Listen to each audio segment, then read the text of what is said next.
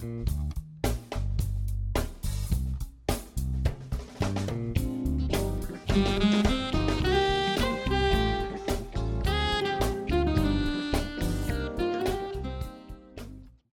svima, moje ime je Tijana Velemiro, a vi slušate podcast Svet freelance. Današnja lekcija je lekcija broj 13 na temu granice, granice, granice. Tri puta, nikad dovoljno. Zapravo danas hoću da pričam o tome zašto je bitno da mi određujemo granice, kako u privatnom, tako i u poslovnom životu i da zapravo time pokazujemo kako ljudi treba i mogu da se ponašaju prema nama i kako mi prema njima.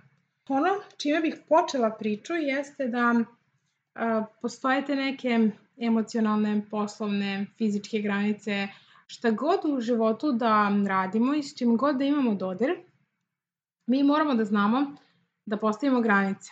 Jer ako ne postavimo granice, sve to može da ode u razne pogrešne pravce. A, I prosto kasnije možemo da se pitamo zašto je nešto ispalo ovako, a ne onako. I dosta često jeste odgovor zato što nismo pravilno postavili granice. Zato što nismo ljudima rekli šta ne može, kad ne može, koliko ne može, kako ne može i tako dalje. Dosta često zaboravljamo da je ta odgovornost postavljena granica upravo na nama i da nam kvalitet života u mnogome zavisi baš od toga.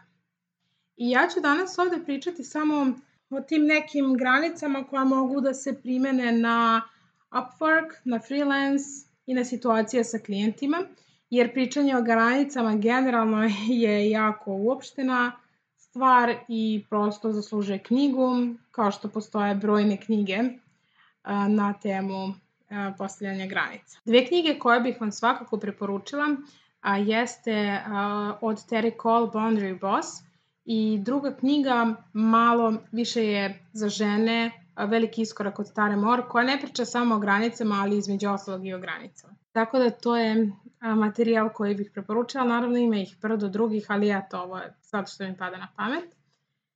I uh, hoću da vam kažem da dosta često to nepostavljanje granica će da nas košta uh, živaca, zdravlja, snage, uh, elana, energije, uh, želje, volje i motivacije za napredovanjem u poslu, za stvaranje novih ideja i na kraju para. Upravo namerno govorim na kraju svog para jer to zaista u odnosu na sve ovo prvo što sam vam navela je najmanje bitno. I možda ćemo dosta često i videti prvo da nas košta para, ali zapravo nije najbitnije, jer kada sve ono što smo rekli pre para izgubimo, pare nam neće pomoći.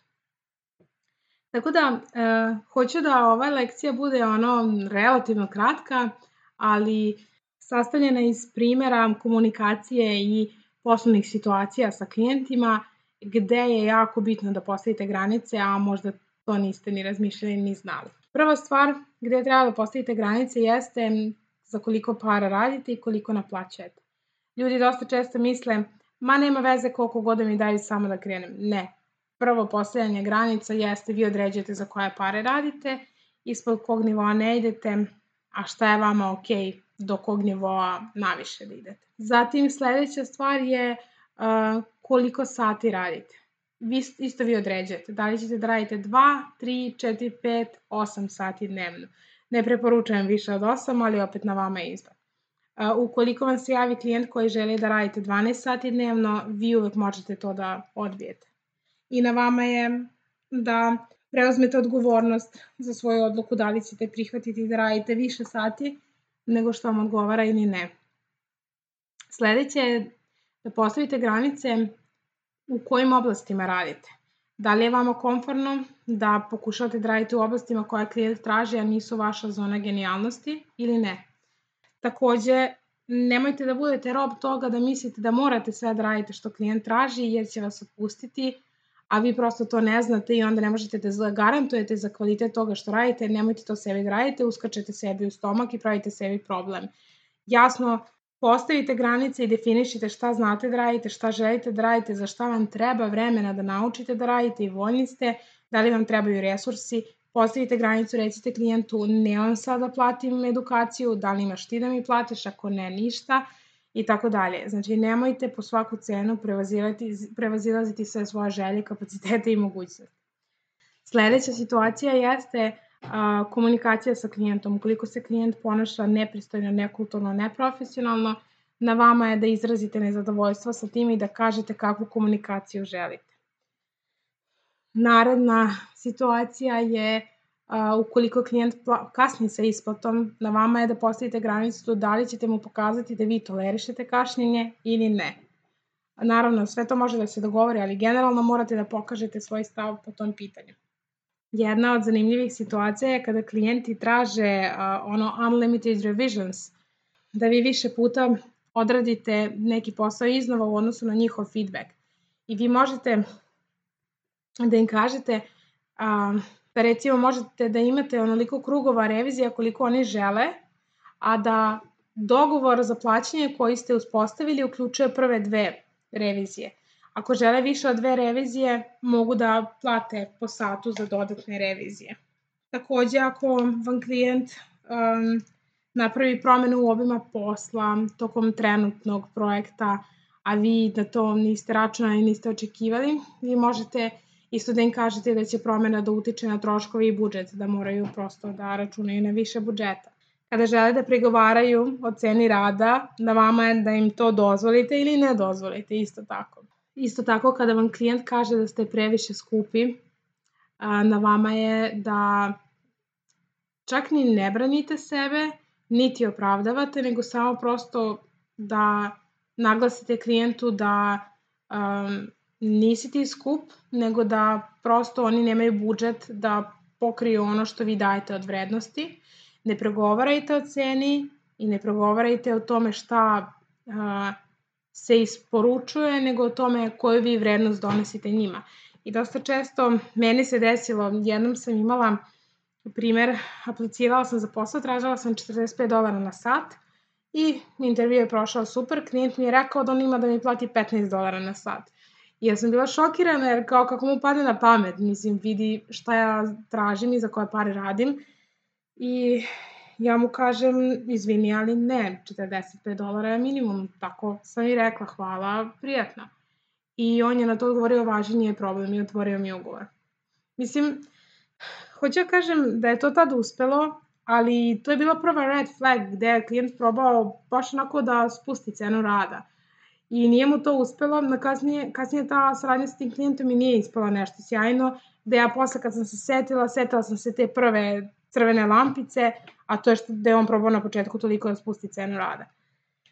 Ne mora da znači da se takve priče uvek loše završavaju, ali hoću da kažem da, da ja nisam tad postavila granicu, uzela bih i radila za manje para. Tako da, eto, to je samo isto jedna od lekcija. Takođe, kada vas klijent pita za popust, da li ćete mu dati popust ili ne, Možete da odredite da na kratkoročne projekte ne dajete popust, a na dugoročne dajete neki popust u procentima. Takođe, možete i da ne dajete popuste uopšte. Mislim, ja preporučujem da se popusti ne daju, niti plaćanje na rate, odloženo i slično, ali svako će da bira svoj put, da tako kažem. Takođe, kada vam klijent dođe i kaže u sred projekta da treba što pre da se završi za dva dana, a bilo je recimo planirano za 10, vi njemu možete da naplatite taj rush fee, ono, uh, fee, to je proviziju kao za što pre završavanje projekta. I možete da im kažete da ćete naplatiti 20, 20% skuplje ili 10% skuplje ako žele uh, kraći rok isporuke i tako dalje, jer prosto oni vas remete. Vi u takvim situacijama često ili morate da radite više od planiranog, da narušavate taj balans poslovnog i privatnog života ili da unajmite još nekog da vam pomogne, prosto nosit ćete troškove, da li ono mentalne ili materijalne. I zato je skroz u redu da naplatite više. Isto kada klijent traži da se uradi nešto nerealno, što vi znate da je nemoguće, jako je bitno da vi tu postavite granicu i da kažete klijentu šta je moguće, a šta nije moguće.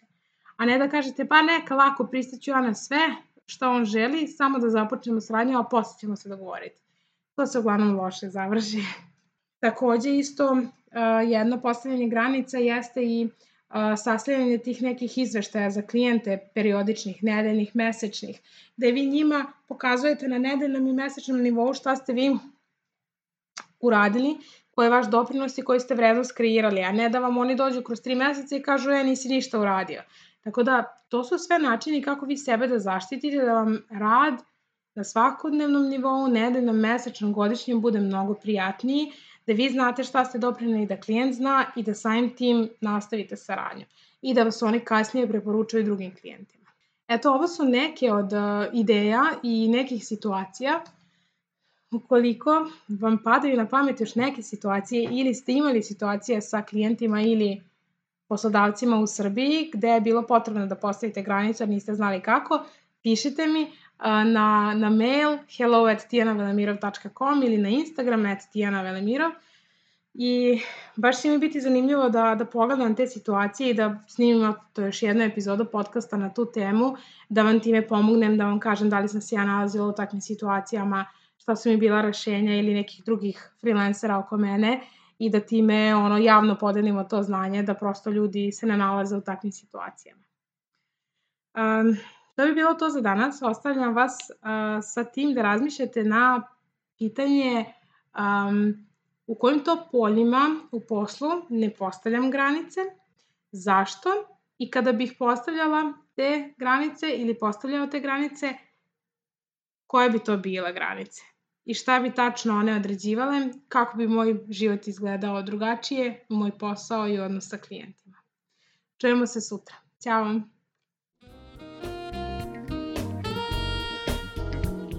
Prijeve za moj online program Postani freelancer traju do 8. decembra ove godine. Ako želiš da zarađuješ više, napreduješ brže, imaš fleksibilno radno vreme i stekneš finansijsku slobodu i nezavisnost, Postani freelancer online program je pravo mesto za tebe. Prijavi se do 8. decembra na www.tijanavelemirov.com stranica online program.